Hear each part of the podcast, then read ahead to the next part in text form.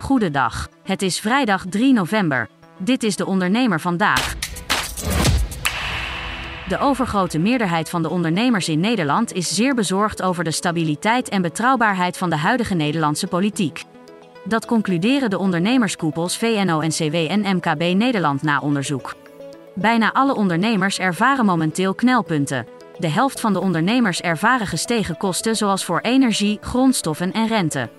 40% heeft last van de hoge loonkosten en een derde van de ondernemers heeft last van regeldruk. Webwinkel Bol laat zakelijke klanten voorlopig niet meer achteraf betalen omdat er te vaak fraude werd gepleegd. Dat bevestigt een woordvoerster na berichtgeving van RTL Z. Hoe er precies werd gefraudeerd en hoe vaak dit voorkwam wil Bol niet zeggen. In het derde kwartaal van 2023 is er een opleving in de Nederlandse handel, maar tegelijkertijd krimpen de detailhandel, horeca en bouwsector. Dat blijkt uit een analyse van bedrijfsdata-specialist Altaris Dun en Bradstreet. Het aantal faillissementen vertoont een stijgende trend, maar vooralsnog is er geen sprake van een grootschalige crisis in dit opzicht. Modewinkelketen Shubi verwacht half december een conceptversie van een akkoord met schuldeisers klaar te hebben.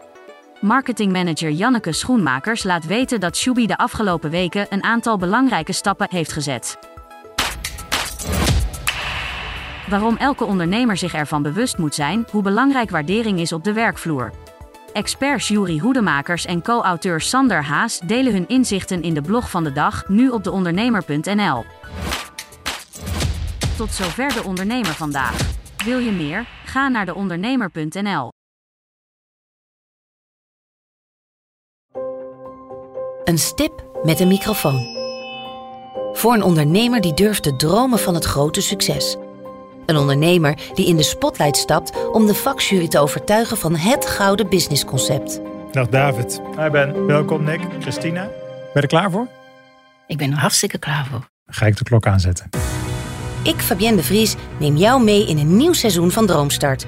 Een unieke podcastserie van de ondernemer waarin we ambitieuze Nederlanders volgen bij het realiseren van hun ondernemersdroom. Ik weet zeker dat er, dat er ruimte is om dit veel groter neer te zetten. Mijn grootste ambitie op dit moment is om dit zo ver mogelijk te schalen. Ja, we kunnen ons meten met de, met de, met de A-brands, uh, zeker als het gaat om, uh, om kwaliteit.